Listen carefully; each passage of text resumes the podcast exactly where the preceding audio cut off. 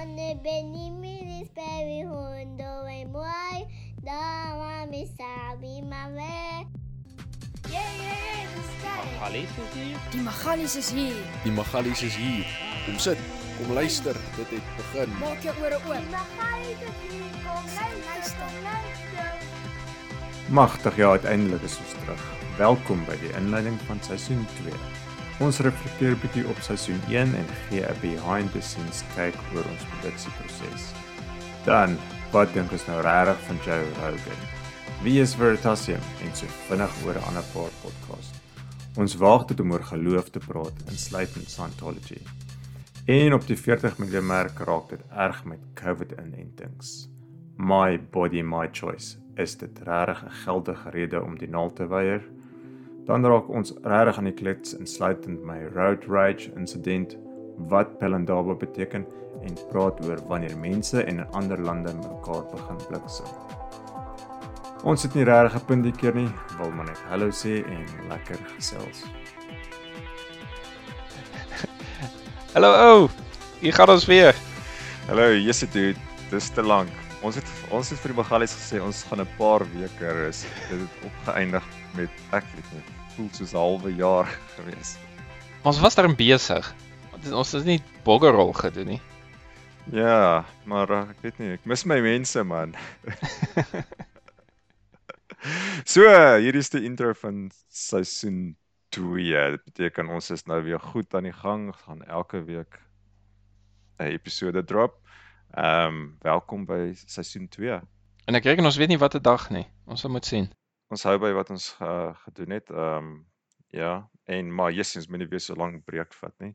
Maar uh, ja, ons het so 'n bietjie gedink oor uh seisoen 2 en ons het so 'n bietjie terugvoer getry, gekry van die Magalies en so ehm um, net vir almal daarby te sê enige terugvoer is altyd welkom. En een van die terugvoer wat ons gekry het is ons moet so 'n bietjie chill, ons moet so 'n bietjie rustiger goeters praat dat ehm um, ehm um, ja, ons tackle nogal heavy topics partykeer en partykeer wil mense net na 'n bietjie meer rustige goed luister, bietjie uh, net bietjie meer klets. Blykbaar is om te klets nie altyd 'n slegte ding nie. So ons het so gaan so 'n paar uh, klets sessies ingooi tussen die uh, ernstige filosofie sodat ons nou nie te diep raak nie. Ehm um, ek dink dit raak ooit te diep nie, maar ja, ons kan mos 'n bietjie klets en die klets sessies wat ons sal hê, sal ons praat oor uh ander en meer ligte goeters en ons sal die episodes merk met die woord klets, wat julle weet ons neem onsself nie baie ernstig op nie. Nie dat ons onsself Ah, as as ons dit nou ooit doen, ja. uh maar jy sê ou daai eerste seisoen was vraggiese ondervinding en ja, dis ek en jy het vir lankryk nie met ek, ek sal nie sê nie met mekaar praat nie. Dis net jy's in Australië en ek's in Europa, so ons praat miskien een keer 'n jaar of so, nie nie veel nie. En man, ek is absoluut mal daaroor. Of course, ons vir die wat nie weet, ons spandeer redelik tyd om die audio te edit of dit nou is om net die dit te clean up dat jy nie noise het en so nie. Ons moet nog leer van mikrofone en al daai goed. Ehm um, so jy luister na die gesprekke wat jy gehad het uiteraard en sien is daar goed wat jy nie wil hê jou ma moet hoor nie en uitsny en so aan. Maar ek ek geniet selfs om te luister na ons gesprekke wat ons gehad het en ek kom agter hoe slegte luisteraar ek is. Dude, en ek weet ek ek, ek ken almal se kwellinge en daar's nie vir my shame daar nie, maar o- of dat ons almal het ons maniere van praat. Ek praat in kort frases en is asof ek hyper is die hele tyd wat my irriteer en ek weet ek interrupt jou en sulke tipe goed en elke keer as ek dan luister dink ek doen dit alweer. Ek doen dit alweer. Ehm um, so daar's verseker 'n self uh, hoe sê sê discovery tipe ding ehm um, waar jy agterkom, Jessie, dis ek ek is nou totally oor dat o klink funny op 'n mikrofoon of so, jy weet as jy vir jouself luister die eerste keer toe tape recorders uitgekom en dink ek, Jessie, jy, jy lag half of giggel of iets as jou eie stem hoor. Daaroor is ek, maar oor my spesifiek spesifieke ehm um, gespreks ehm um, wat sal mens dit sê, soos jou gait as jy loop, ehm um, jou ja, die manier hoe ek praat, ja, ek sê dit irriteer my nie, maar ek dink nog altyd, Jessie, daar's plek vir verbetering, so baie daarvoor. So ek kry verseker baie uit die pot gooi uit net om te praat met jou Rudolf en ook om te luister na die tyd as ek nou en dan edit jy die meeste van die edits, dankie daarvoor. En um, dit is wraggies ja baie um, ja learning experience vir my. Ja, maar ek dink dis nou soos ek sê, ek wil nooit die Magalies uit om vir ons terugvoer te gee soveel as moontlik. Um, by magaliespotgooi@gmail.com. Um, maar ek dink een van die terugvoers wat ons sal kry van hulle is is dankie tog Evert onderbreek vir Rudolf se nou en dan want want ek kan op sulke lang rants gaan oor bietjie te diep in gate afgaan. So nee, ek ek uh, daar is ook jy- mens kan baie keer in 'n gesprek hoor as mense so praat is dat jy onderbreek my om my te red want jy kan sien ek hardloop nou uit goeie Dude, wat om te Hoeveel keer hoeveel keer as ek hier aan die einde begin stront praat en jy red my te laat, dan sal ek net so die laaste 3 woorde uitsny waar dit nou regtig nie andersins gegaan het nie. Dit is dis ja, interessant om te sien hoe gesprekke gaan en dis soos 'n bal wat jy pas in rugby en jy wil hê dit moet mooi vloei en Hmm. ek het al gehoor hulle sê iets van ek dink het al gesien een van ons goeie, miskien is dit in seisoen 2. Ehm um, as jy skaam is, moet jy nie laat jou skaamheid die audience laat nervous voel nie. Dis beter om te sê, "Jessie, ek's nou so skaam en so aan en lag al vir jou eerder as wat jy almal bedruk met jou met jou goed." Ehm um, en ehm um, Ja, nou moet ek jou onderbreek.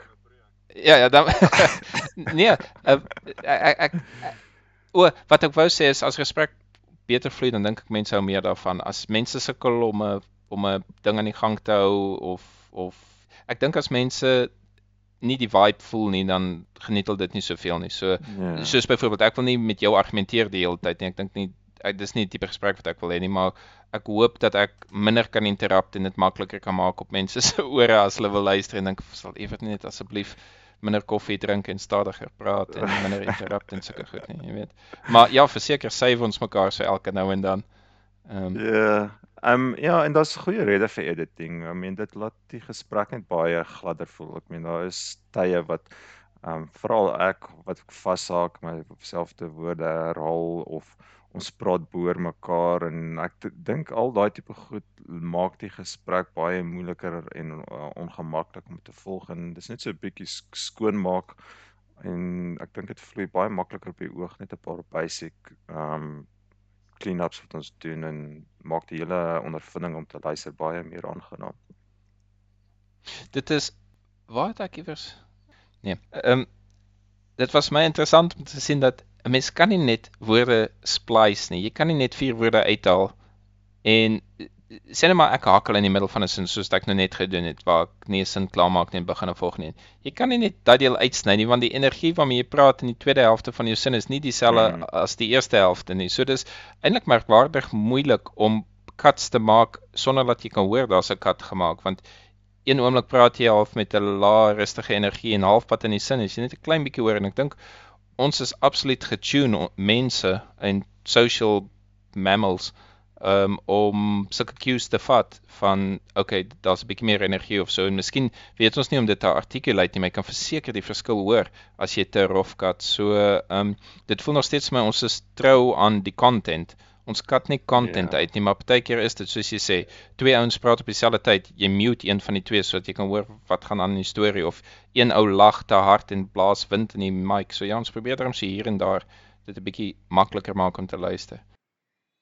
Daar's een podcast waarna ek geluister het en daar's actually sagte ware wat jy kan kry om die stil periodes uit te haal. Soos is iemand 'n bietjie Ons nie lank- veel daarvan nie. As iemand te lank pause tussen twee woorde dan die software ah, ja. tel dit outomaties op, maar dit klink As iemand praat soos die dominee op die kansel. ja, ja, maar dit klink so fake. Dit klink regtig so O, as jy die as jy die die die gaps uitsny. Ja, dit klink regtig so fake en ek wonder of omdat ek self editing doen, tel ek dit makliker op en dit irriteer die dinges uit my uit as ek 'n podcast luister waar hulle die blanks uitsny. Dude, 100%. Daar was 'n tyd op YouTube wat almal sulke supercuts gemaak het waar daar is nie 'n gap waar hulle asemhaal of so tussenin en jy sien die video Ja. spring die ou se kop so links of regs. Ek kon dit nie vat nie en sê slow down, laat ek net bietjie saam kan volg. Ehm um, ja, ek hou nie baie daarvan. Dit, dit miskien het hulle doen hulle dit nou minder, ek weet nie. Dit voel my dit my nie onlangs geïrriteer nie of ek het gewoond geraak daaraan wat nou veel erger is. Een finale versoek aan die meganies daar buite. Ehm um, Jessie Evert, jy gaan my haat, maar Jessie, gee ons 'n paar sterretjies man. Geef ons 'n like en 'n paar sterretjies op Facebook en Dude, Spotify. fa- kan ek net sê Facebook was vir my ook 'n toets. Daai eerste paar gooie wat ons het, wel die, die meeste van ek dink hier by die laaste episodes van seisoen 1 het ek opgehou kyk want elke dag kyk ek het, het nog mense geluister en so aan en dit raak so al vir mini popularity contest waar vir om een of ander rede wil ek net meer hê.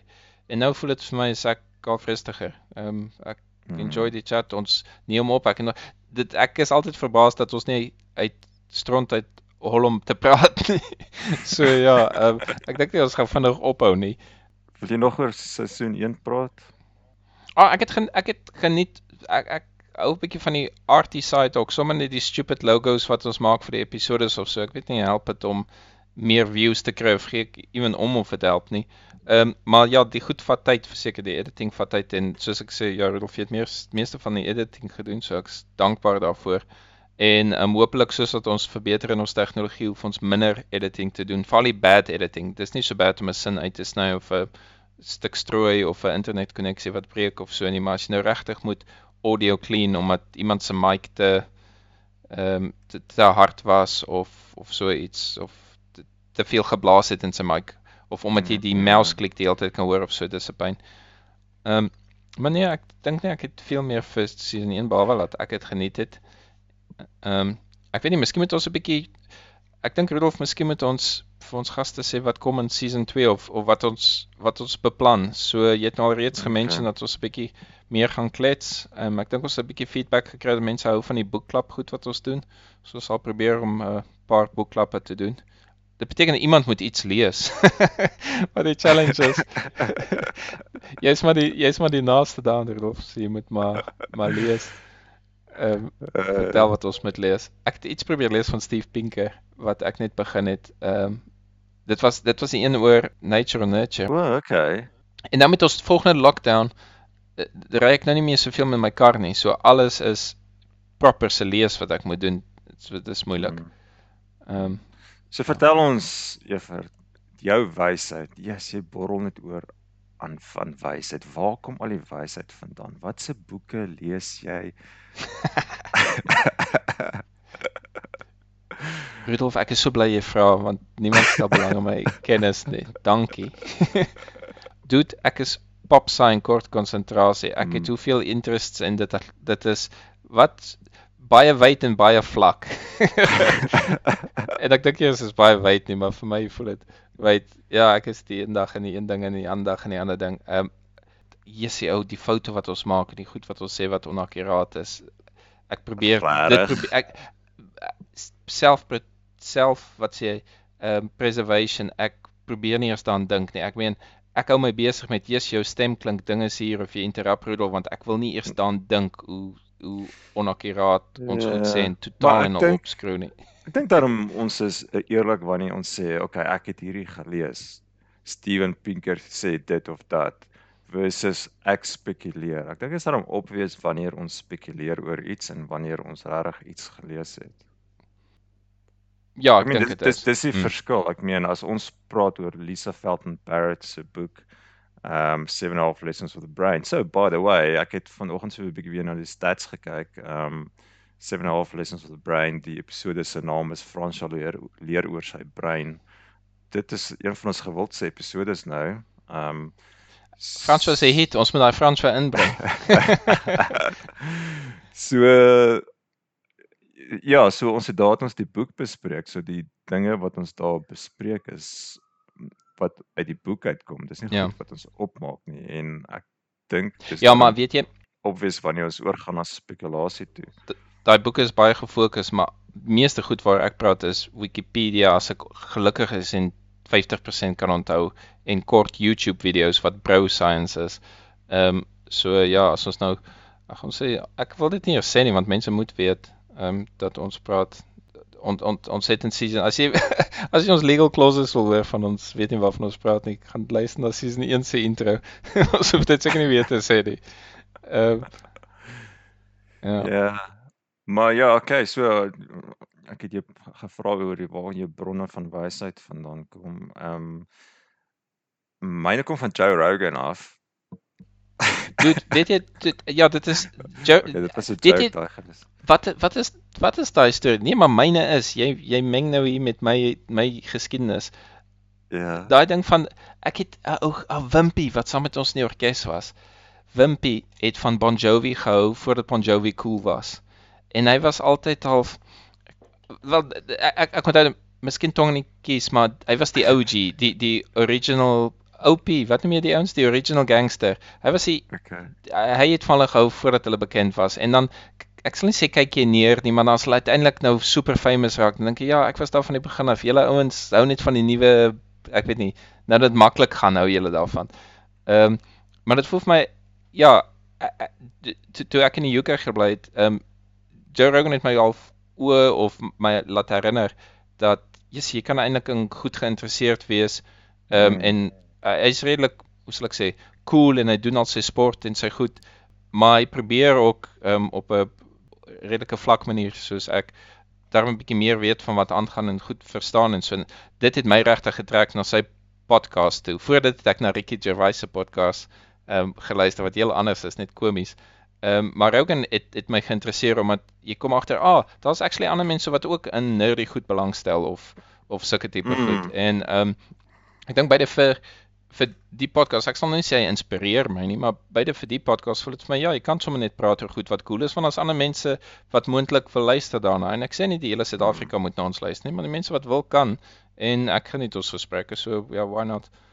Ek het baie kritiek vir Joe Rogan man. Yes, hy veral veral die afgelope paar maande het hy se regtig so 'n bietjie uh van die wa afgeval en regtig amper um conspiracy theory tipe goeters begin Yes, ja.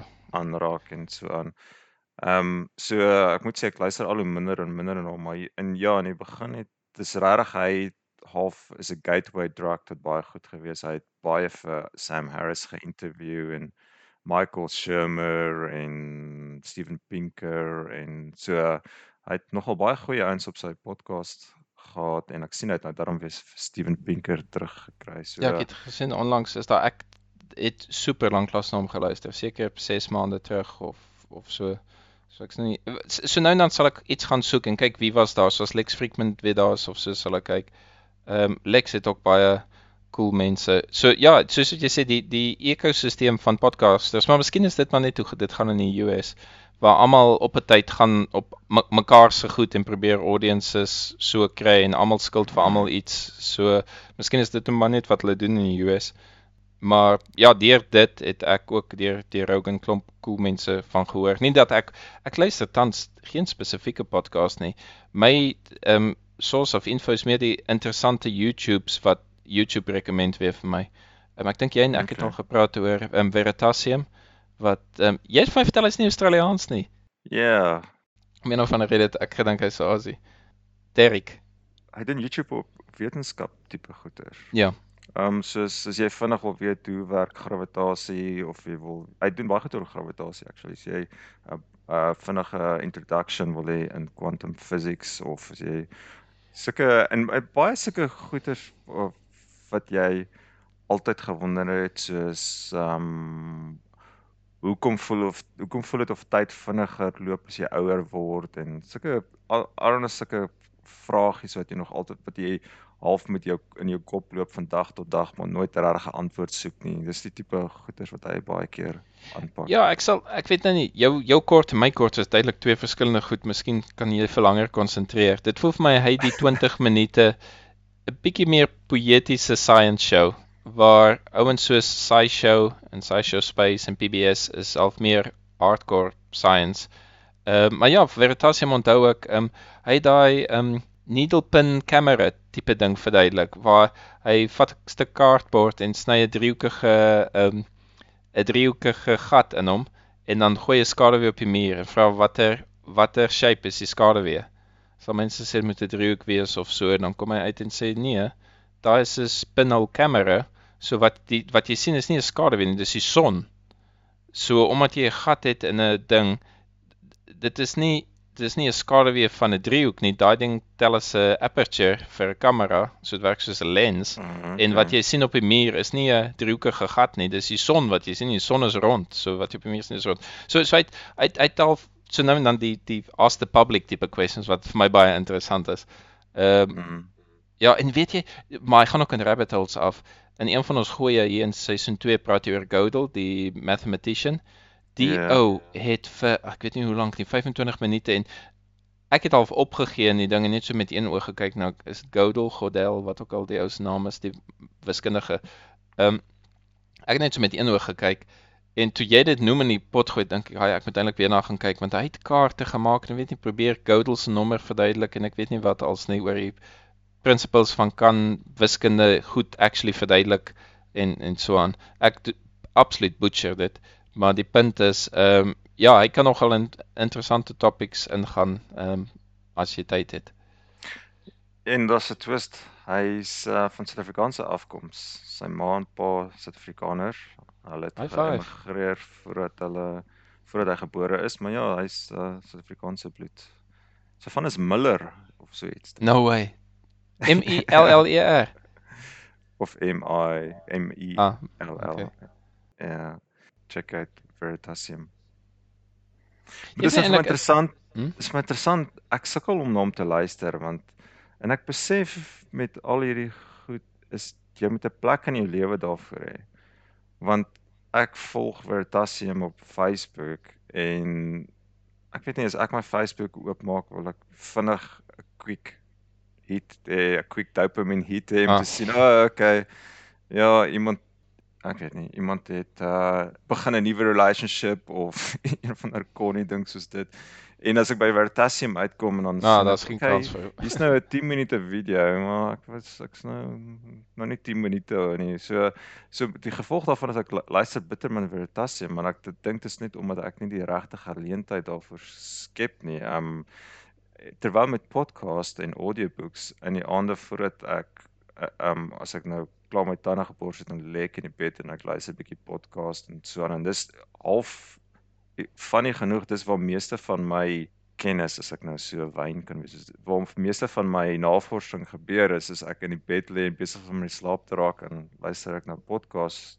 En ek- van die magallies wat ons lu- luister sê ja hulle daar hou daarvan as hulle na die werk toe ry dan sit hulle die, die magallie spot gooi op in die op die kar radio en luister na ons en met al hierdie goeders mens moet maar 'n gap kry daarvoor. Jy moet dan moet jy moet daar as jy regtig wil ingaan op so iets jy moet die plek kry in jou lewe is en mense sê altyd soos oh man ek het nie tyd om te draf in my lewe nie of ek het nie tyd vir dat nie maar dis alles maar net gaan jy moet 'n gap kry. Dit is daar's die as jy die regte geleentheid vir die regte ding kry kom dit so maklik na jou toe.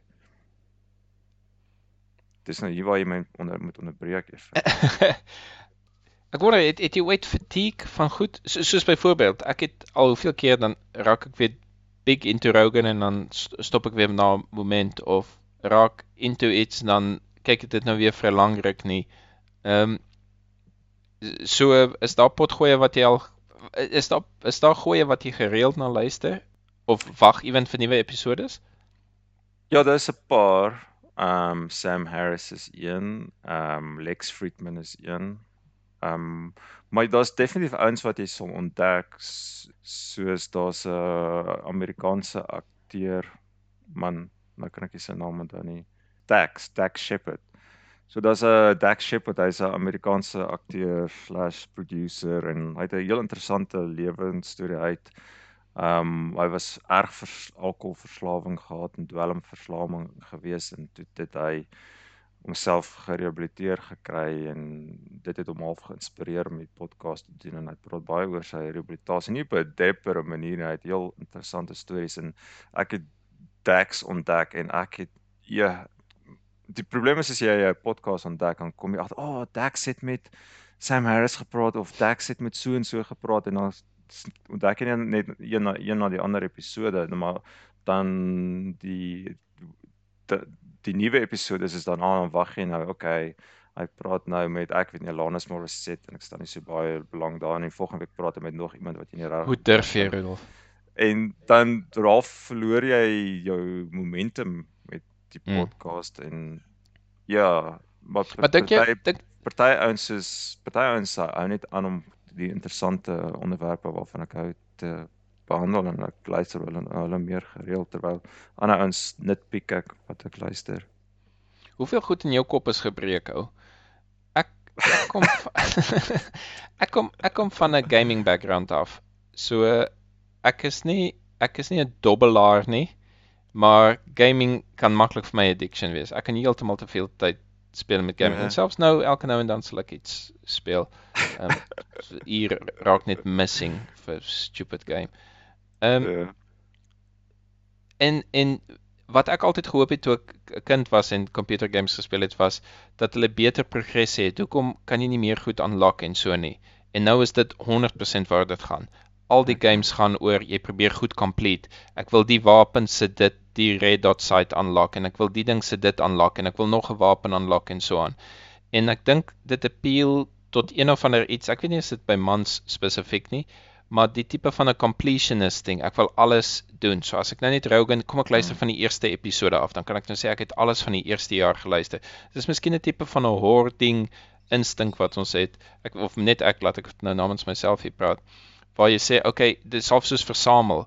Ek ek kan nou sê ek het nou al die gedoen, so nou het ek nou net die jaar 2, 3 en 4 oor of half dat daai ding van waar jy alles wil klaar kry of miskien is dit die juk van weet jy het nog nie alles geluister nie, jy wil graag alles doen wat jou push om dit te maak en dan raak jy nou moeg later daarvan. So dis al my stans met 'n klomp van die goed. My ek het daar's 'n tipe instink van wil alles doen en alles sien en so aan en werk nie eintlik uit nie Okay. want ek kan nie al die tyd kry om al die podcasts in die wêreld te luister of so nie en dit is al dit maak dit meer chaoties en meer stresvol en en, en ek bedoel ek meen daar's mense wat proper reasons het vir stres. Wat ek net wil sê is dis half deel van die chaos en klatter wat ek partykeer uit my lewe wil uit en sy kan ons net 'n white sheet het laat ek net kan fokus op die ding wat ek moet fokus eerder as al die ander goed wat ek wil doen.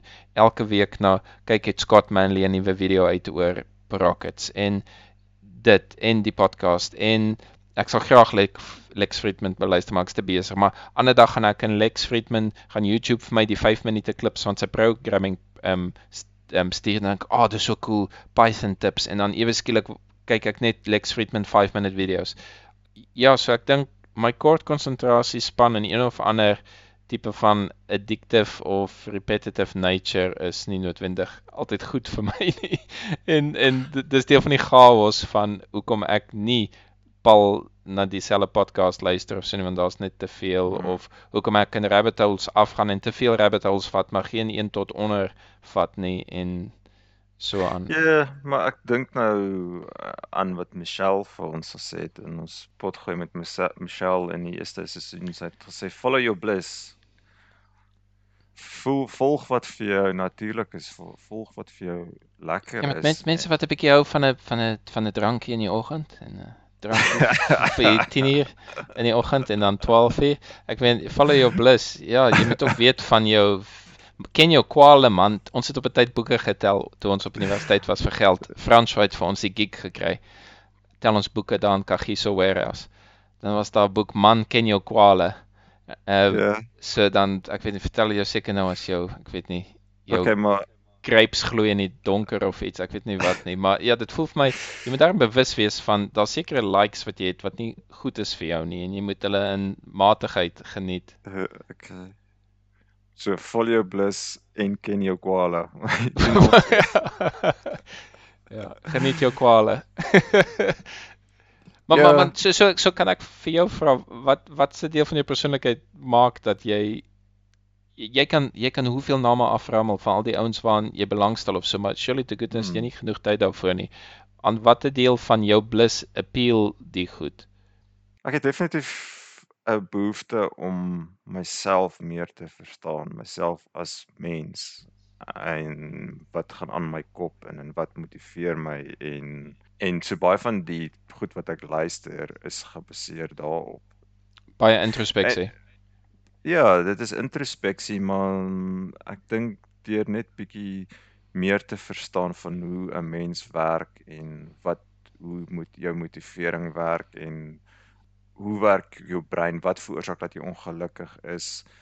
Wat bring geluk in mense lewe? Wat is die verskil tussen geluk en betekenis? Wat is die belangriker om gelukkig te wees of om betekenis te hê? Net om um half so 'n bietjie meer opinies en inligting daaroor te kry. Dit is half wat my motiveer op die stadium. Um en maar ek is ook versigtig om nie te diep in iets te gaan waar dit 'n drag begin raak nie. Waar ek sê, "Ag, Jesus, hierdie as 'n boek vir my te lank raak, as 'n boek vir my te vervelig raak, dan los ek dit en sê ek, "Oké." Okay. Want op die einde van die dag as jy dit moet dit moet nog steeds vir jou lekker wees en vir jou interessant wees, anders gaan dit doodloop. Ek onthou uh, een van my een van my stokperdjies wat ek op stadium gehad was fotografie. En ja, ek het ek het, ja, ek onthou jy het foto's gepubliseer online. Yes, ja. Ja, ek het diep daarin gegaan en en op 'n stadium toe besluit ek okay, ek gaan level up, ek gaan begin ernstig raak, ek gaan probeer geld maak uit dit uit en ek het gekyk na stock photography waar jy upload foto's na 'n webwerf toe en dan kan mense dit ah ja, mense kan dit koop en jy kry 50% vir elke 50 sent vir elke download of wat ook al. En dis presies waar my liefde vir fotografie geëindig het. dit te begin ernstig op neem met dude, so, mense ek dink mens moet ja, ek dink mens moet jouself ken en jy moet weet wanneer gaan jy iets ruineer vir jouself en so. Maar anders anders as ek blameer dit nie op ehm um, op jou skoling nie. Die feit dat jy nie die goed reeds weet nie. Uh, want dit, dit ek sê gereeld op die podcast hoekom het hulle ons nie die goed op skool vertel nie en en dit is in die in die filosofiese terme. Ehm um, wat sê ek hoekom het niemand mm. ons van filosofie op skool vertel of my ouers my daarvan vertel? Ehm um, ek dink iemand het vir hulle daarvan vertel nie frankly. Ehm um, en en hulle het heel goed deur die lewe gekom, maar dit voel of my jy voel of ek vind sielkunde is 'n heavy woord, maar dit is regtig daai selfkennis wat dit niemand het jou daarvan vertel op skool nie. Dink jy dink jy hulle vertel nie vir ons om onsself te articulate en om uit te vind wat regtig aangaan nie. Dink jy ons is so konservatief groot word jy moet dit doen, jy moet 'n goeie job kry, jy moet dit goed doen dat niemand eintlik vir jou vra maar jy moet uitvind waarvan jy hou en hoe figure jy uit waarvan jy hou en wat wat kan jy doen wat is goed vir jou en nie goed vir jou nie. Wat ek sê is jy kla nie daaroor nie. Jy sê nie dat jy eers nou daarna begin luister toe jy hoe oud ook al was eerder as van kleins af het dit jou dominee en jou ouers en jou skoolonderwyser gevra, "Hey Rudolf, hoe voel jy? Wat so sport hou jy eintlik van?" Eerder as sê, "Nee, die girls speel netbal en die seuns speel." Ek onthou toe hulle wil baseball speel. Hulle was so kwaad by die skool. Nee, geen baseball nie, dis cricket en rugby en ja, of course nie sokker nie. Ek weet nie as dan nou sokker nie. Maar eh, daar daar's half die tipe molds en ek ek weet nie man as ek op TV kyk en ek kyk na die Amerikaanse TV shows. Hulle het altyd die goed wat die kinders so wonder oor die ding en oor die filosofie en so asof hulle 30 jaar oud is, maar dis skoolkinders. Miskien is hulle skool so en ons is is nie daar nie. Dis nou weer tangent wat ek hier gevat het, maar ehm um, dit is sommer net vir jou interessant. Jy voel nie dat jy te leemte nie. Jy voel nie dis 'n uh, selfverbetering om meer van die goed te weet. Nee, ek voel Of of dink jy dit sou gehelp het as jy dit geweet het toe jy 20 was? Nee, ek voel definitief daar's goeie daar's leemtes wat ons het in ons opvoeding. Daar's ehm um, ek weet nie, ehm um, daar's ja, maar een van die goeters soos byvoorbeeld oor geloof sonnaskool het hulle jou vertel van die NG Kerk en die APK Kerk en dis die verskil tussen die kerke en dit is hoekom hulle gesplit en so en maar nooit vertel wat is Islam nie. ek het gedog man ek was op universiteit al het ek gedog Islam is hierdie heeltemal vreemde weird ding. Oh, okay, dit is seker vreemd en weird. Ehm um, maar daar is tog baie ooreenkomste met die Christelike geloof. Daar's hulle sal wel die mens ek weet nie da, da, Ek gaan jou nie red nie, dude, jy's op jou eie. ek meen hulle die akademikuste sal sê man, die God waarna hulle glo is dieselfde God wat die die Christelike geloof in glo. En ek weet Christene sal sê nee man, dit is alles heeltemal van die pad af, so dit is nie dieselfde God nie, maar al op 'n akademiese level is daar baie ooreenkomste en hulle glo ook in Jesus. Hulle dink net en Jesus was wie hy gesê het hy is nie en en maar ek meen ek het glad nie geweet daar's wat my punt is. Ek het glad nie geweet daar's soveel overlaps tussen Islam en Christen en en die Jode, selfs die Jode, ek meen die Jode doet is ja, doet kan ek kan ek nou asseblief vet op jou vuur gooi? Da- Daai wat jy Ja. kom ons kyk gou na na Scientology wat absoluut 'n pot dinges is. Ek seker alle Afrikaners kan saamstem. Scientology is dinges. Dis deur 'n 15-jarige seentjie Ja. geskryf oor een van 'n spaceship en stuff en ehm um, hy daaroor 'n geloof maak. Hy het dit gesien as selfterapie vir sy eie sielkundige probleme. En ehm um, dis absoluut nonsens en enige geloof wat in die laaste 50 jaar of in die laaste 1000 jaar uitgevind is, dis duidelik ding is want dit was nie van die begin af daar nie. OK. Mhm. So so so duidelik is nuwe goed ding is want iemand obviously het iemand dit opgemaak. Ehm um, Mhm. so as jy dan kyk na die ou goed, OK. So wat jy daar genoem het is exactly die ek weet nie hoe sê dit in Afrikaans of in Engels for that matter. Abrahamic religions. So daar's drie gelowe wat uit Abraham uitkom. As Wat vier, Islam is, een van sy seuns was was daar vier. Islam, Mm. die Jode en Christ, Christianity. Ek dink Christianity is die nuutste een if you like want dit is eers toe Jesus gekom het wat dit is wat 2000 jaar Mm. terug is Nee, Islam is nie nuwer as is is Islam nuwer. ja. OK. So die Jode wat basies World War II oorgegaan het, dit is een van die Abrahamic gelowe. Jy kan sê die laaste paar jare se 9/11 en al die is semi-gelowig of die split is is daar's 'n korrelasie tussen geloof en wie veg teen wie. Ehm um, in in die hele ehm um, ehm um, westerse versus ehm um, Midde-Ooste Ooste is Islam en Christendom. Dis nie noodwendig oor geloof wat hulle beklei nie, maar dis as jy sê watter pool mense wat se gelowe beklei, dis die Abrahamic religions wat onder mekaar beklei. So ons het ehm um, dit dit in Wêreldoorlog 2 was die Jode baie groot ding en ewen vandag nog is is Israel en Palestina 'n groot gemors.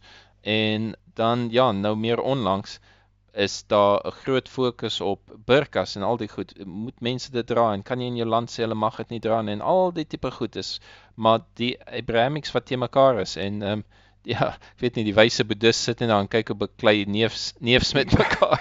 en dink wat gaan met die familie aan? So ehm um, ja. Ja, maar net die woord ehm, wat jy daar gebruik het, Abrahamic religions.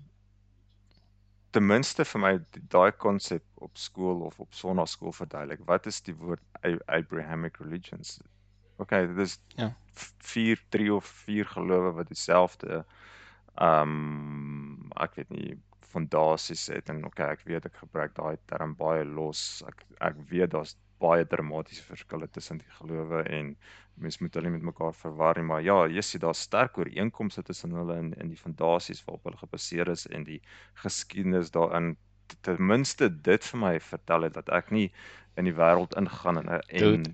skielik is daar 9/11 en ek het nie 'n klou wat is Islam nie en Ja. so aan. Ja, ek voel regtig daar's 'n gap. Nou praat ons nog nie eens oor boeddhisme nie. Wat ek het gedog boeddhisme gaan net oor reincarnation. Um, maar dit is baie meer kompleks as dit. Ek onthou het hom net een keer gevra van die kansel af iets van wat se vinnigste groeiende geloof en toe was hy so geskok en depre dat dit Catholic Catholic die Katolieke is. Dan ek sê dis 'n wen ou, dit is dit is donders naby die deesdae. maar dit was vir hom so of oh, die, die, die dis is die wêreld is nou in die, ons is nou in die eindtyd want die want die Katolieke tel nou spoed op. Ehm um, ja. Man as jy uitzoom, ja. Ehm um, So dis definitief een area waar ek wens ek was meer ingelig geweest is oor die verskillende gelowe. 'n Ander area wat ons nou al baie oor uh, aangeraak het is um, is denkfoute. Net jessie man waarsku my om reguit te dink oor seker goed. Waar's daar sekere algemene pro- uh, maniere van redeneer wat obviously verkeerd is wat 'n mens so maklik inval en gee my net 'n paar basics. Um wat ek net nie, nie dieselfde traps val wat ja, ja oor en oor in dieselfde traps val nie. Ek wil 'n voorbeeld daarvan gee. gooi hom. Dit gaan oor COVID. Ja, daarna so dit daar's Want teen die teen die baie- tyd wat die episode uitkom, Rudolf, is COVID oor. Niemand is meer in lockdown nie. Alles is goed. So ek besig met iemand op die stadium te gesels wat nie 'n vaksin wil hê nie, wat weier om 'n vaksin te kry en dis 'n heel aangename gesprek wat ek met haar het. Sy volg baie logiese gesprekke en dis sy's nie 'n wild conspiracy theorist nie, sy's nie ek sal nie sê sy's 'n anti-vaxxer nie. In die dis sy het daar navorsing gedoen en sy volg 'n heel goeie gesprek. Um en dit is vir my 'n baie aangename ondervinding. Um maar ek's ook besig dan maar dan sien ek ook op Facebook die die teenpool daarvan. Dan sien ek op Facebook hierdie one-liners van my body my decision. En dan dink ek Och. wag 'n bietjie, wag 'n bietjie. Ons moet so bietjie bietjie uitbrei daarop. En een van die daai post um het 'n video saam met gehad waar is hierdie scene in 'n swembad en dan is die een ou in 'n life jacket dan sê die in die ander ou het nie 'n life jacket nie. En die ou met die life jacket sê: "Hey, jy moet ook 'n life jacket aantrek want as jy nie 'n life jacket aantrek nie, gaan ek ook verdrink." Dis nou half 'n argument Yes, teen 'n vaksin soos 'n dude, as jy die vaksin wil kry, kry die vaksin. Dit het niks met my te doen nie. Um my keuse, my liggaam, my keuse. Yes, Um, jou. Okay, dit is 'n argument, daar is 'n argument daar, maar kom ons kyk na die hele prentjie. Kom ons vat 'n ander a- 'n vergelyking. Ek en jy is in die swembad Evert en jy sê vir my dis my reg om te piepie in die swembad. Jy kan nie vir my Jy hoef nie dude. Yes. sê. jy Maar kan nou- nie vir nou- my nou- sê maar- wat maar ek moet nou doen nie. sê? As ek in die swembad wil piepie, kan ek in die Dis alweer dit is nog 'n logical fallacy. Jy Ja. volgens my gee die regte antwoord, maar met verkeerde argument. Want jy gebruik 'n metafoor, jy kan net so 'n ander metafoor. Dit is presies, hulle gebruik 'n metafoor wat verkeerd is. Jy gebruik ook 'n verkeerde metafoor, jy kom net op die regte antwoord uit. Ja, Ehm, dis die en, en, probleem en met dit is dis die game, reg? dis die dis die Mhm. donderse game en en en dit is waar soos jy sê, hulle moet ons moet ons waarsku teen die goed, maar vir party mense is dit genoeg om net daai slogan te hoor en sê ja, ek is 100% met daai slogan. En ek sê hoeveel Ja. keer vir jou dat as politikus te praat sal ek sê ja ja, dit klink of hy sin, ja, maak sin. Volgende ah, oh, fuck, ja, hy maak ook sin. Ehm um, so ja, nou jy nou twee goed hier vir my vertel wat beide Ja. sin maak. Ehm um, die Ja, maar dis die probleem met so. metafore, reg? Dis die probleem met 100%. metafore. Metafore het hulle beperking. So okay, so ek sien die ek sien die argument met die life jacket. As ek myself vaccinate dan het ek minder kans om siek te word en ek het minder kans om sl sleg siek te word in die hospitaal te beland. En as jy nie daai as jy kies om dit nie te doen nie, um het dit niks met my te doen nie. Ja, daai argument is geldig. Um die deel wat dit mis, die deel wat dit mis is um die vaks die virus sou aanversprei as am- almal nie gevaksinate is nie. Okay. En nou kan 'n mens in 'n rabbit hole gaan, ah, ra- help dit regtig die vaksin om die virus in te perk en so en ek weet daar's selfs daar's mense wat sê nee, dis nie so effektief nie. So ma- maar maar daar's dis nie die punt waarby so mens ja, so mens mens moet na die hele breë prentjie kyk. Jy kan en dis die probleem met 'n analogie. Die analogie verduidelik net een deel daarvan. Die een, een deel daarvan is my keuse versus jou keuse en jou keuse niks met my te doen nie.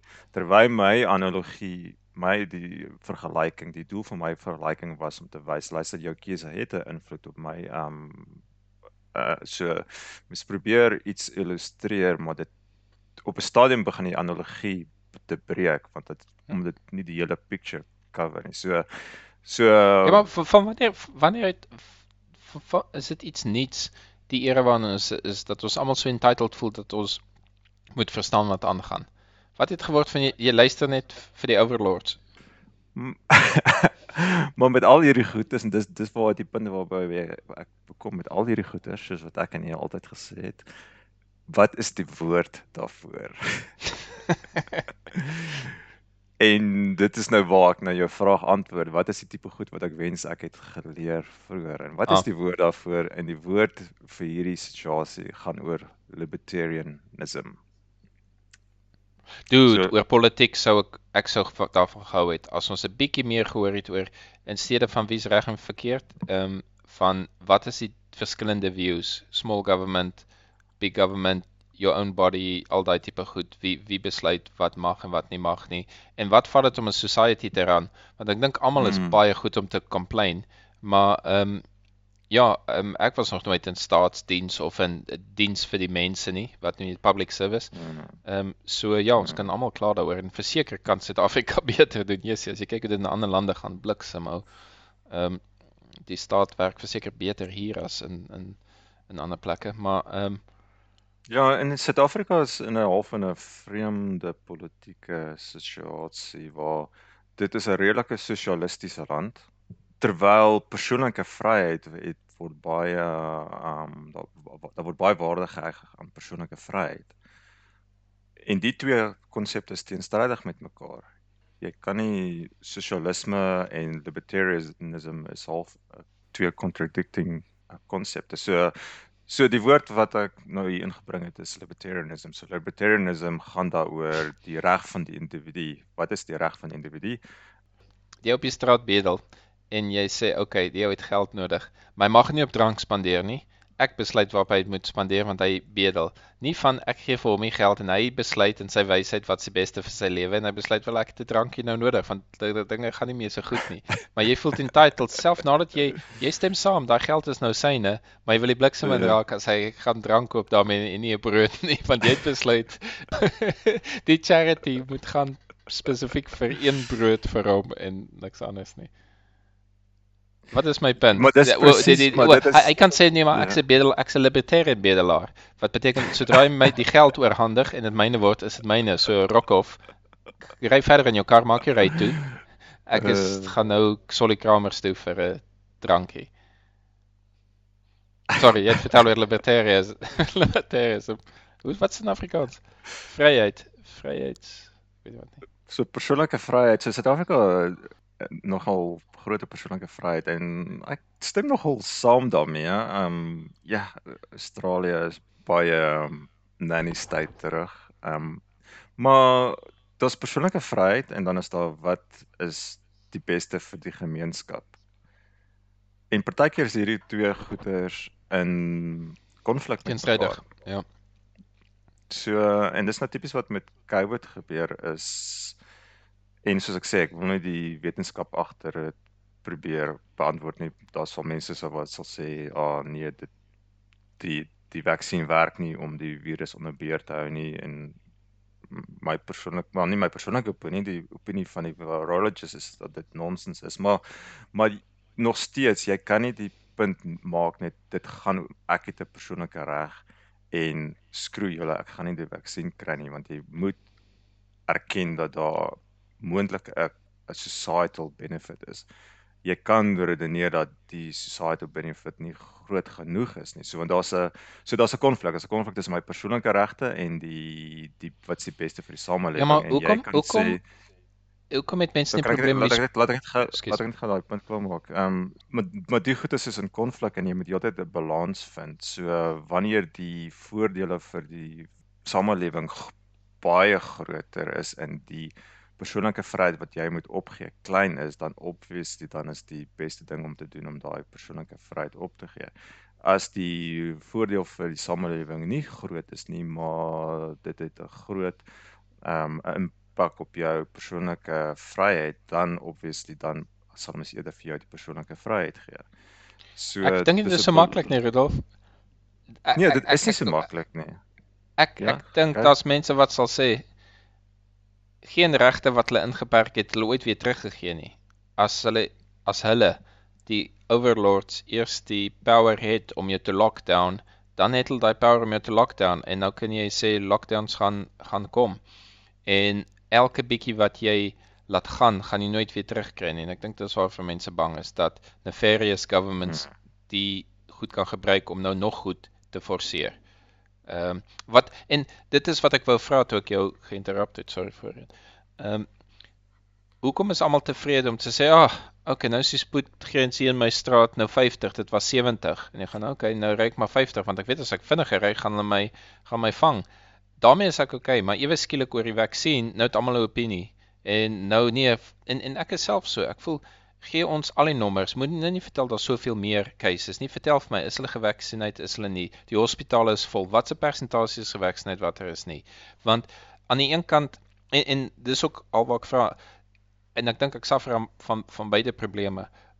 Een Mm. is ek voel entitled dat ek die inligting moet hê, anderste moet hulle nie met my praat nie basies. Ehm um, moenie moenie vir my nommers gee, as jy nie vir my al die nommers kan gee nie want dit beteken niks nie. En tweedens het ek 'n distrust in die media en ook in politici. Ehm um, Mm. En ek is wel ehm um, ek het my twee inspuitings en ek gaan binnekort aansoek doen vir my derde een vir my opbod. O en dan dan's ek skepties ook oor companies wat obviously net soveel as moontlik vaksins wil verkoop. So ehm um, daar's wanneer dit gebeur dat ons is dit sommer net omdat ek ouer raak dat ek skepties raak en 'n grumpy old man is wat fight met alles of is dit die generasie wat meer inligting het en nou die maand ons meer inligting en die maand dat almal alles aan ons verduidelik ten spyte van die feit dat ek 10 minute 'n dag het om aan COVID te spandeer, maar ek wil alles weet en as ek nie dit verstaan nie, voel ek entitled dat ek een of ander ander besluit kan maak versus as jy nou ek weet nie met jou brain squinkies daar staan en die regering kom om met hulle groot inspuitings vat jy dit maar want dis nou maar hoe dit gaan.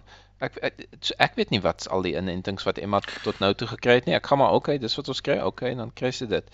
Ehm um, maar om een of ander rede nou met COVID uh, wil almal ewe skielik alles weet voordat hulle verder gaan. Dit ek wonder wat is die verskil?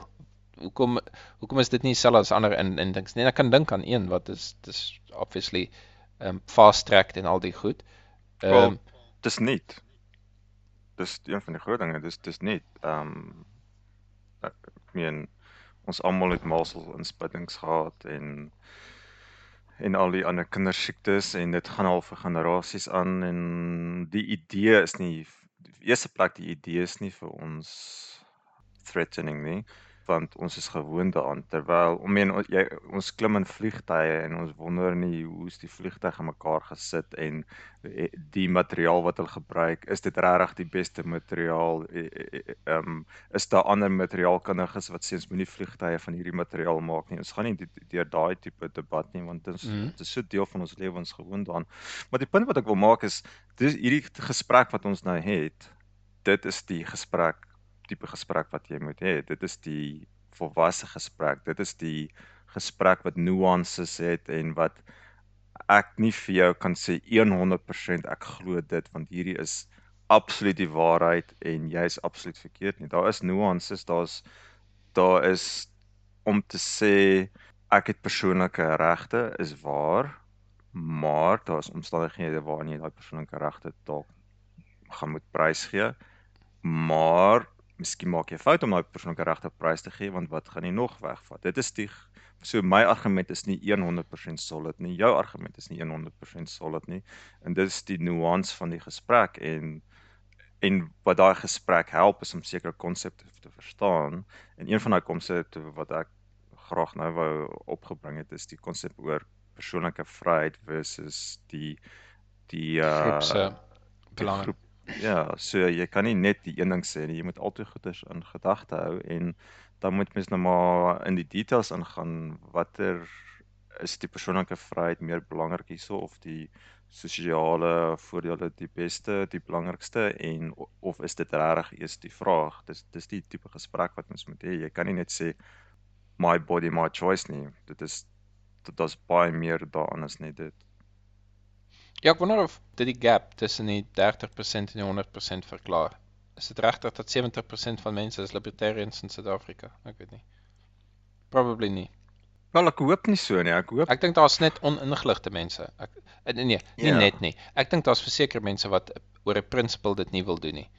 Ek dink daar's 'n klomp mense wat nie ingelig, goed genoeg ingelig is nie. Ehm um, en dis half die low hanging fruits. dit is waar my bekommernis is is, is dat iemand sien iemand anders sien 'n face sit sit um publish 'n Facebook post of wat ook al en sê my body my choice en die ander persoon ja ja ja dit klink reg dit n- Ja. nee ja ehm um, dit is dit is reg wat jy sê maar kyk na die hele ding kyk na wat wat beteken dit as jy sê my body my choice okay dis gebaseer op die konsep van libertarianism ehm um, ook ek dis nou oor vir eenvoudiging en maar dan gaan jy in en jy gaan verstaan wat is libertarianism, wat is die argument vir libertarianism, wat's die argument teen libertarianism, um om om die die hele prentjie te kry, nie net die one-liner wat jou gaan oortuig nie. So dit is die half die tipe gap wat ek weet nie om terug te kom by oorspronklike vraag. Dis die tipe goeters wat ek wens ons het meer geleer in die jonger dae en meer dat ons dat ons minder soos kinders beklei en meer soos adults kan redeneer. ja, Want ons ja, ons ken en nie die woorde nie en ons doen stupid tricks. Dis soos as jy skaak speel en Ja. jy ken om 'n uh, ou in skaakmat is in 3 moves en almal gaan net vir daai move want dis die enigste ding wat hulle ken en daar's daar's net 'n bietjie meer hey ja. so, ja. Ehm Ja, cheap dis 'n baie dis 'n baie goeie analogie. Ja, want in plaas van om net die drie moves te doen wat die skaak skaaktriek moet jy die hele skaakspel verstaan. Ja, ja. Dude, speaking of skaak, ek wil nou weer teruggaan want ek ek dink nie die storie het noodwendig 'n punt nie. Ek ek, ek verstaan wat jy sê van jy jy sou graag meer van die goed wou leer. Ek ek meen die COVID storie, ek wil verseker nie dit probeer oplos vanaand nie. Ek het ander ambisies. Ehm um, jy, jy Ja. vertel van as jy 'n boek lees en dit staan jy nie aan nie, dan dan los jy dit. En ongelukkig met met Kindle want meeste van my boeke is Kindle.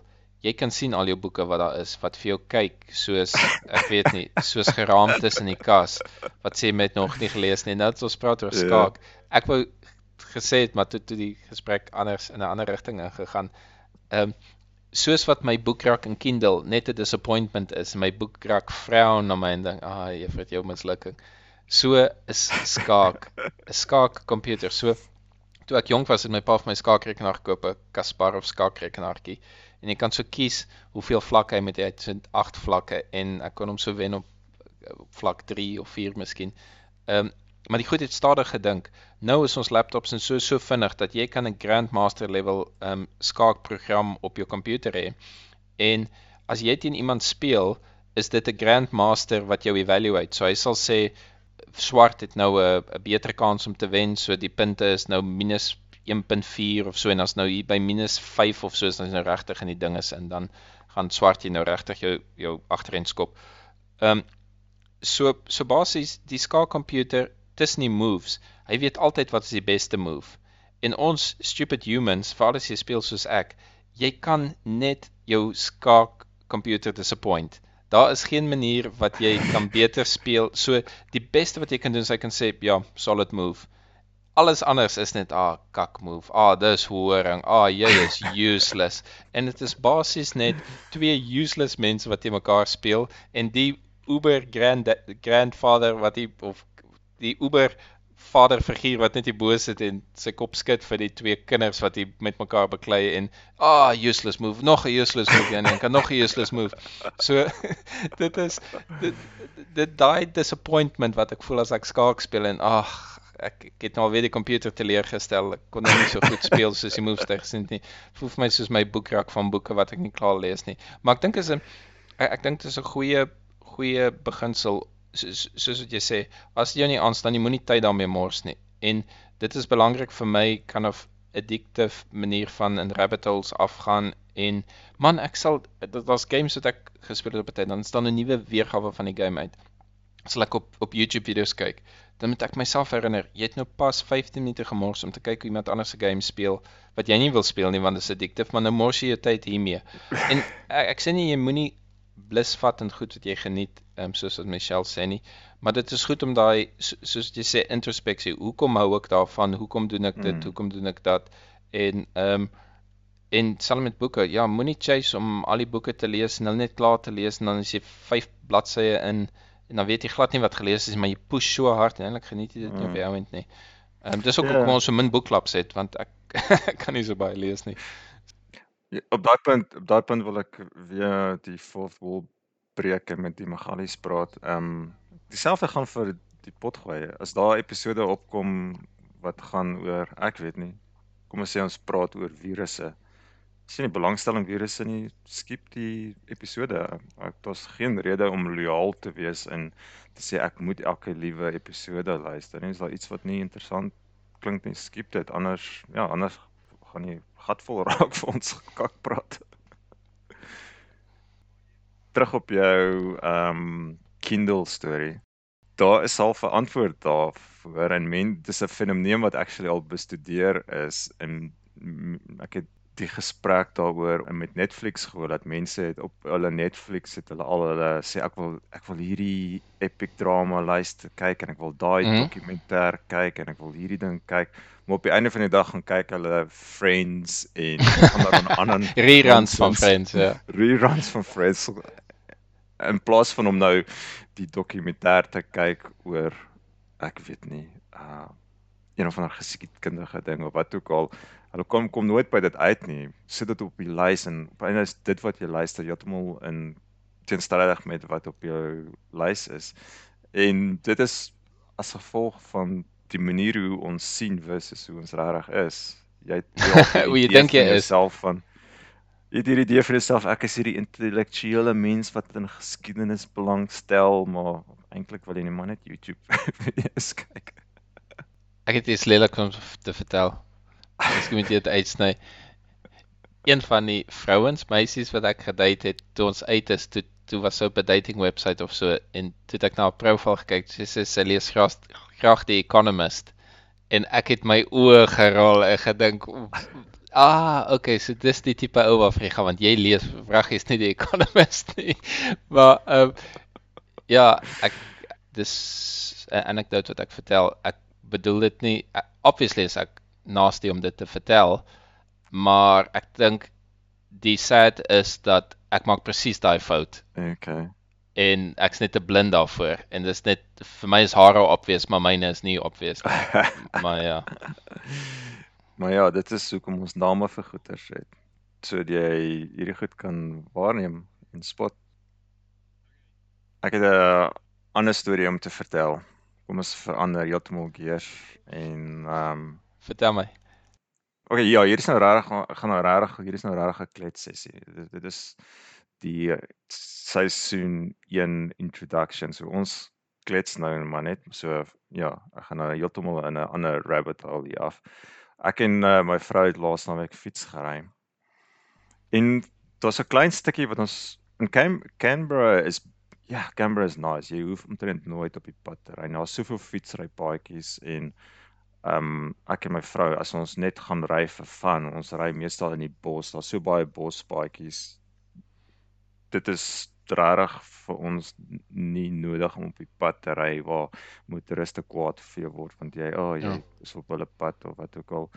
Ehm um, en selfs as ek werk toe ry, ek ry omtrent nooit op die pad nie want daar's genoeg paadjies. Ah, in hoe cool is dit? Yes, sê. Ja, dis pretty awesome, pretty awesome.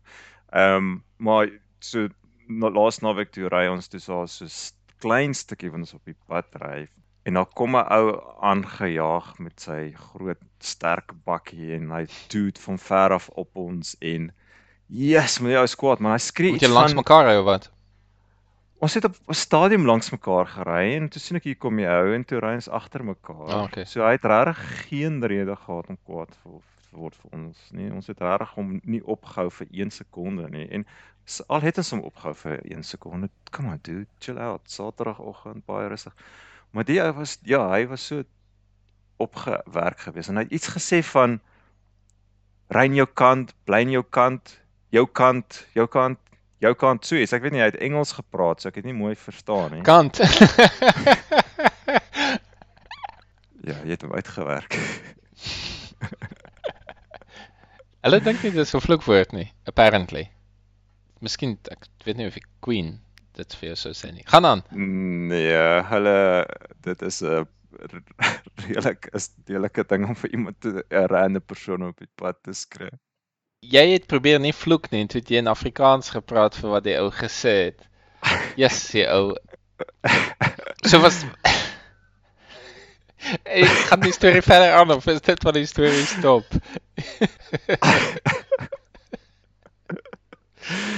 Okay, volgende storie. Nee, dit was was net vir my interessant die ou hy het obviously 'n idee in sy kop gehad dat ons hom gaan pla en ons hom gaan ophou. En dit laat my terugdink aan so ons dis nou half 'n recap van Lisa Feldman Barrett se boek van 7 and a half lessons of the brain. Jou brein is 'n prediction engine. So jou brein maak heeltyd predictions. So as ek nou hierdie koppie koffie vat en ek vat 'n slukkie van hierdie koffie, jou brein s- voordat jy die voordat die koffie in jou mond is, sê jou brein vir jou hierdie koffie gaan so proe, dit gaan dit gaan so bietjie bitter wees, maar dit gaan lekker sterk wees en en die oomblik as jy die sluk vat, al wat jou brein dan doen is hy bevestig dat Ah, dit sê wat alles jy goed. voors, voorspel het is wel hy, hy al wat jou brein doen is as dit anderste uitdraai as wat hy predict uit. as hy wat hy dan sê hy, "Wow, ho, wag so 'n bietjie, hier's twee lepels suiker in hierdie koffie. Um iets iets is funny." So jou jou brein voorspel altyd wat gaan gebeur en die oomblik is daar 'n variasie. deviations, die is- afwykings, ja. die, die afwykings dit is hy basies stuur net vir jou die afwykings. En dit is ook wat uh, ek dink gebeur met hierdie dude. Hy en Lisa Feldman Barrett in haar boek het sy 'n voorbeeld genoem van waar 'n soldaat in die oud Rhodesia rondgeloop het met 'n wapen en hy loop so in die bos en die volgende oomblik toe sien hy hier hier's 'n ou met 'n geweer met vier ouens agter hom en en hy maak reg om op hierdie ou te skiet want obviously was hulle in gevaar gewees. En toe sy buddy wat langs hom is, toe vat laat sak sy geweer uit. Sê vir hom kom maar toe maak op die oë. En toe besef hy maar dis nie vier soldate wat hy gesien het maar actually 'n kind met drie koeie wat deur die bos geloop Yes. het. En sy omdat hy so op high alert was, het hy is hy heeltyd verwag dat daar soldate in die bos gaan wees en sy brein het dit half voorspel en en maar as partykeer doen jou brein nie daai korreksie nie, doen jy jou brein nie daai regstelling wat sê hey hierdie koffie is actually twee suikers in en nie een suiker soos wat jy gewoond aan is nie. Jou jou jou, jou daar kan seker omstandighede wees waar so stres wat jou brein daai misfire doen. En ek dink dis wat hierdie ou met hierdie ou gebeur het. Hy het ons gesien van ver af. Hy het gesien ons het ons wanker suits aan, ons wanker fietsry suits aan en gedink hierdie donderse ouens gaan in my pad wees. Ek is nou haastig op pad op hierdie Saterdagoggend. Hulle gaan met my pad wees. En ons was nooit in sy pad nie, maar hy het nooit daai korreksie gemaak. Hy het nooit daai Ja, maar het het jy 'n tipe van empatie met hom of het jy hom nou gefonnis op hy's hy's so doos omdat hy dit gedoen het? want want jy jy kan ook sê, "Jesus, ek wonder wat's fout met hom. Miskien is daar iemand siek en hy moet so nervous wees." So gee hom die benefit of the doubt of is jy kalm omdat jy dink wel hy duidelik 'n moerse fout hier gemaak. Ehm um, ek suk maar human. Ek het hom ek weet nie. ja, hom vinger gegee. Hom vinger gefeit. vinger gegee. Maar ja, ek het in retrospect daaroor gedink en ge, en en nou ek en ek en Marloes het gepraat oor hoe hanteer jy so ou, wat doen jy en daar's nie veel wat jy kan doen nie. Ehm um, jy kan net die situasie erger maak as jy probeer stry en en ons die gevolgtrekke wat ons gekom het, die beste wat jy kan doen is net te vir hom te lag. Laat hy weet hy's belaglik. Ek dink baie mense, myself ingesluit, dit is nie genoeg om reg te wees partykeer nie. Jy moet net sê is ek geregtig om insulted te wees of so nie, maar ook waar wil ek graag hê die social interaction moet eindig. Mm, As jy lus is om iemand te moer en sê okay, kom ons gooi die dobbelstinkie en kyk het hy 'n mes of so.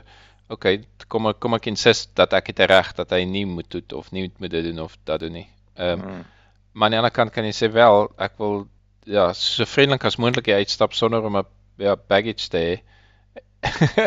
ja, ek weet nie. Ehm um, man, dis tricky want partykeer voel jy net nie 'n skroe dit dit is nie fair nie. Ek is 100% in the right. En ek dink baie keer ek ek's miskien hard as ek goed reg het vir mense sê en so aan omdat ek dink is reg en eerlik en so aan. Maar ehm um, ek dink jy miskien beide partye kry noodwendig wat hulle wil hê uit die interaksie uit nie omdat ek besluit het ek gaan dit net sê hoe dit is. Soos byvoorbeeld vir so ou sê hy is 'n doos. Ehm um, alhoewel ek ek is gewoonlik versigtig vir interaksies met ander mense, derde partye wat ek nie ken nie. Ja, ek het jou al die storie vertel van die kom ons sê nou maar 'n monk, 'n kung fu monk of iets wat in 'n town aankom. En hy's famous en so dat hy nou so zen monk is en hy het al die antwoorde en so. Toe kom die boelie van o en ek doen amazing kung fu kom die boelie van die town daar in en sy makker staan daar om en die boelie sê vir hom iets van fight my nou en laat ek jou les leer dat jou kung fu dinges is of as jy wil kan jy soos 'n muis op die grond loop en my voete soen en dan los ek vir die res van jou lewe uit. Ou kyk so, wat? Daar's geen contest hier nie. Gaan hy soen jou se voet en loop verder. Problem solved. Um, so ja, ek weet nie wat jy altyd die knie buig nie. Ek ek dink baie bad social interaksies en relationships word gemaak omdat iemand verkeerdelik die knie buig.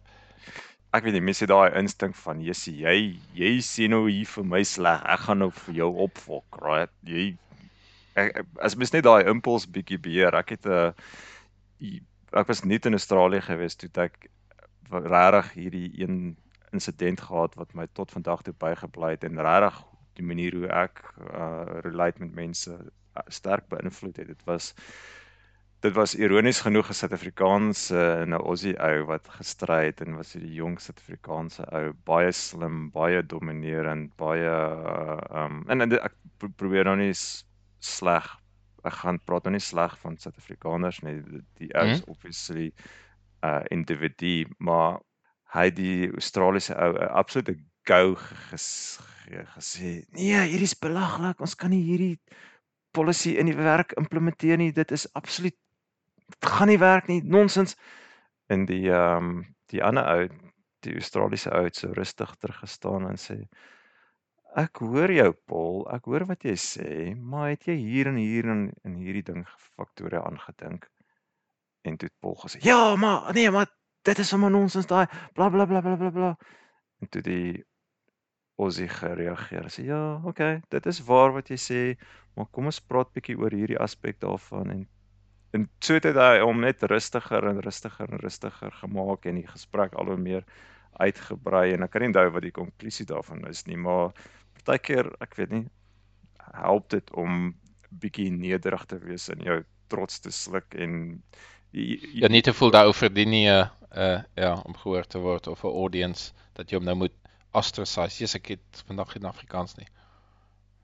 Ja, so uh, Dit- dis nou dit is daai soos woorde- Dis nou soos die boeddhis wat die monk wat jy gesê het wat in die ou se voete gesoen het. Ek meen hy het op 'n manier kan jy sê hy het presies gekry wat hy wou gehad het. Wie wie het nou regtig gewen in daai situasie? ja. Ja. Ehm ja, on, ek dink ons soek baie keer vergelding. Dude, een van die het ek al daaroor gepraat oor Pelindaba.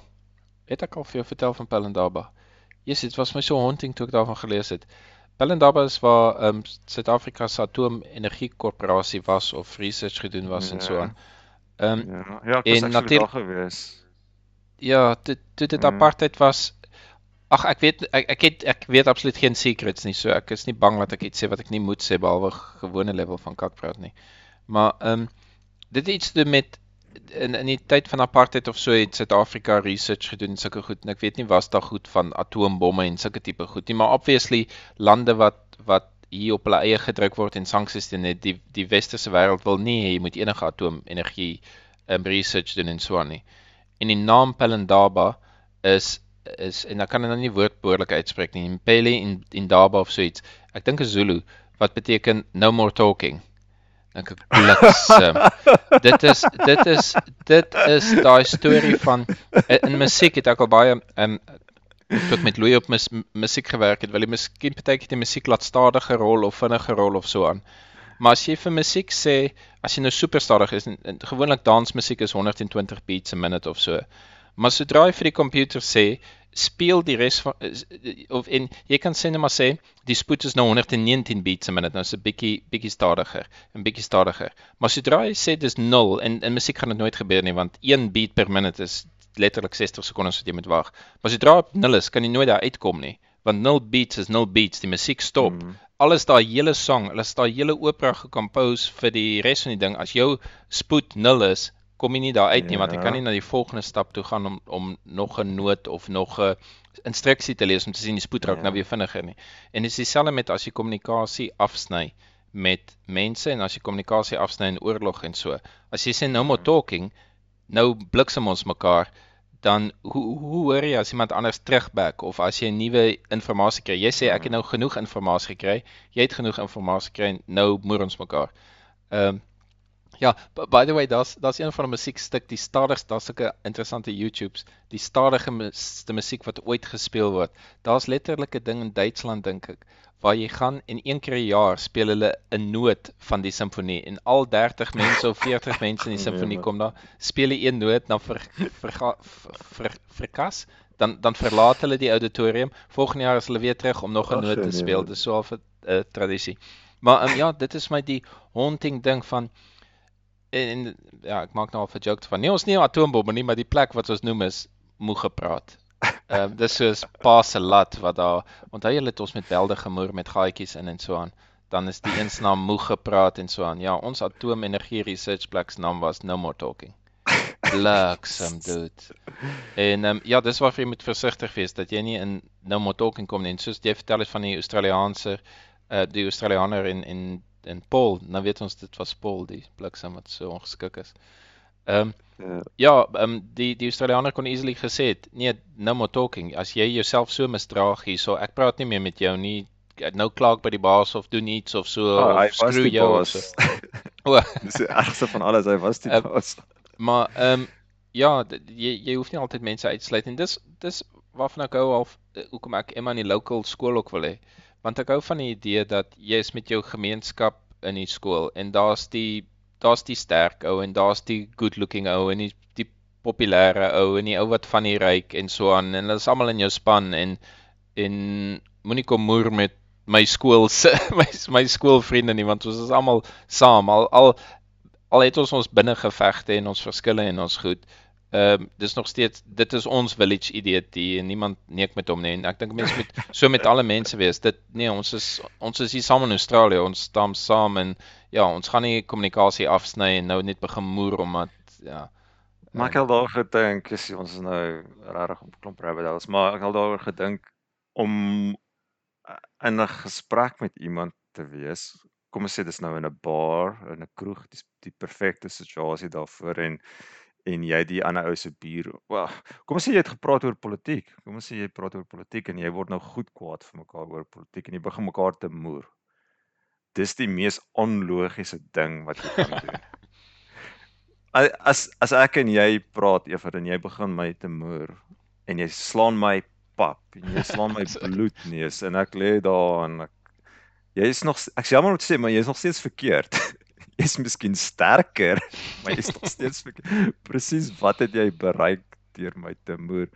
En ja, en dit wys mens hoe jy sê oorlog hoe absoluut last resort dit is. Dis regtig dis nou net brute force. Dis nou nie ons wil julle nie oortuig om die regte ding te doen nie. Ons ons dink daar's geen hoop vir julle. Julle kan nie die regte ding doen. Ons gaan nou net met brute force julle hier uitdonder. Dis regtig desperaat.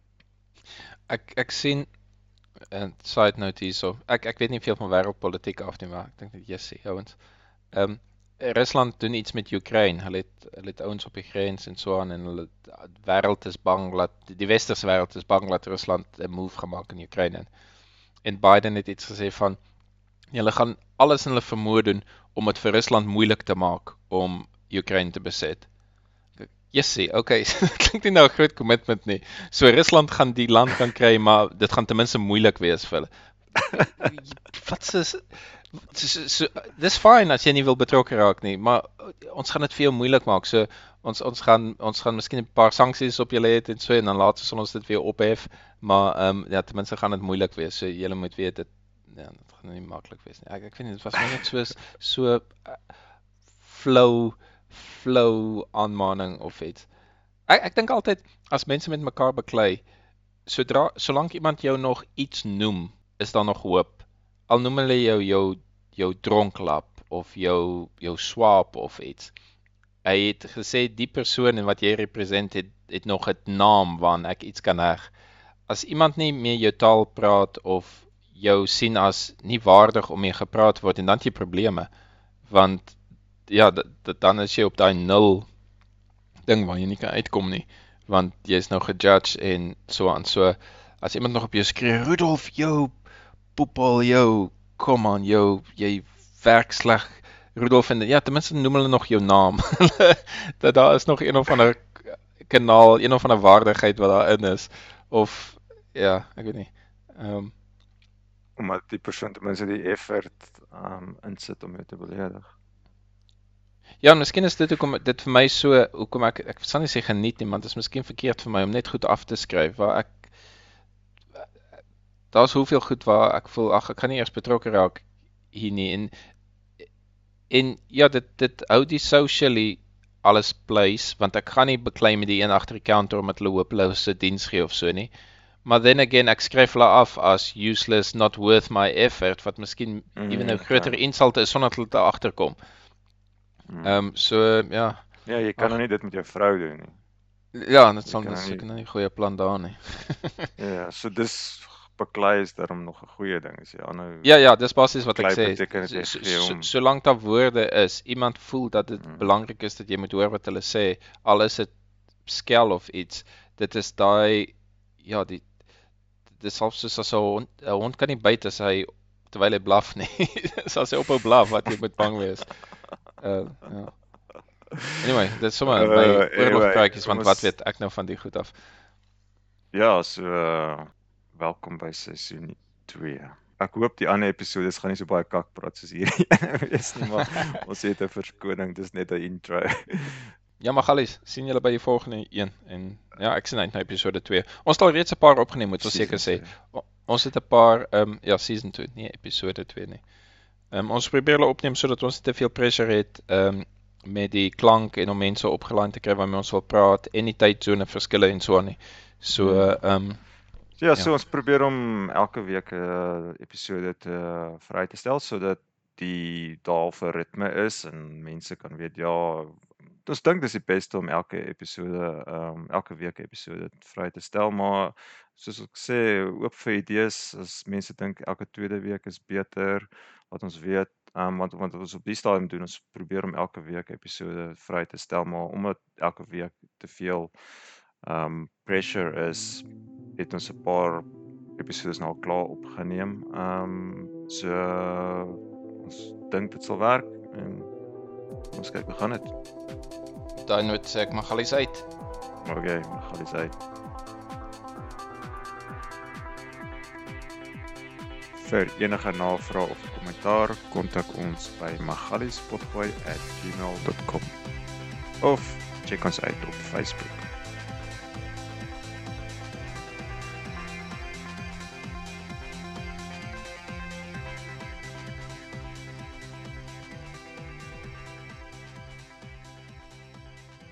Woe,